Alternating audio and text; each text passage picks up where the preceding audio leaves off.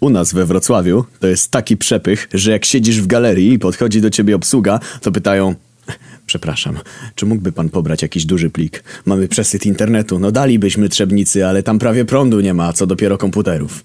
Jak jedziesz tramwajem, to motorniczy mówi Uwaga, dziura na torach!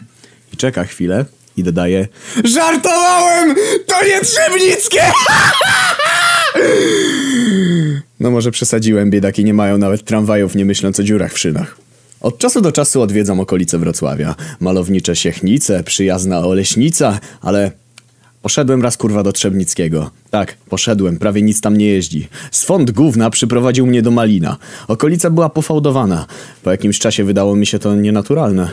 Po, bliżej, po bliższej obserwacji hałdy gruzu i śmieci okazały się lepiankami mieszkańców. Pierwszych tubylców zastałem podpierdalających asfalt z dróg wojewódzkich, które wykładali na drogach powiatowych. Widząc też ten przesyt biedy, splunąłem na mały wydeptany w ziemi placyk.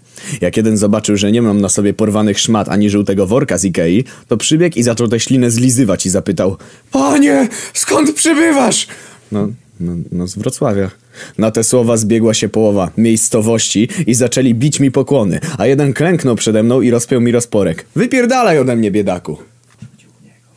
Wtem ten zliżujący rzucił w niego kawałkiem gruzu i krzyknął przerażony Rób co pan każe! Nieopatrznie trafił go zbrojeniem w skroń i mu głupi ryj rozwalił. Już myślałem, że przyjedzie śmieciarka po jego ciało, ale wrocławskich śmieciarek nie widziano tam od miesięcy. A nawet nie podejrzewajcie Malina o posiadanie własnych. Nagle z za rogu wyleciał jakiś facet z taczką i zabiera ciało z bananem na mordzie, jakby miał czym wyżywić rodzinę przez najbliższy miesiąc. Cała reszta pobiegła za nim. Korzystając z zamieszania spierdoliłem w las. Po drodze mijałem paczki z żywnością, więc albo Caritas stwierdził, że to gorsze zadupie niż Nigeria, albo jakaś szkoła zrobiła akcję pomocy biednym rodzinom, a tu ich najwięcej. W sumie nawet pizga tam jak na kresach. Udało mi się wrócić do Wrocławia. Po tym przeżyciu zacząłem udzielać się społecznie. Pierwszą rzeczą, jaką zrobiłem po powrocie, było złożenie petycji o utylizację powiatu trzebnickiego i wszystkich jego mieszkańców. Argumentowałem, że tak będzie dla nich lepiej, bo holokaust przy tamtejszych warunkach to wakacje. Petycję przyjęto.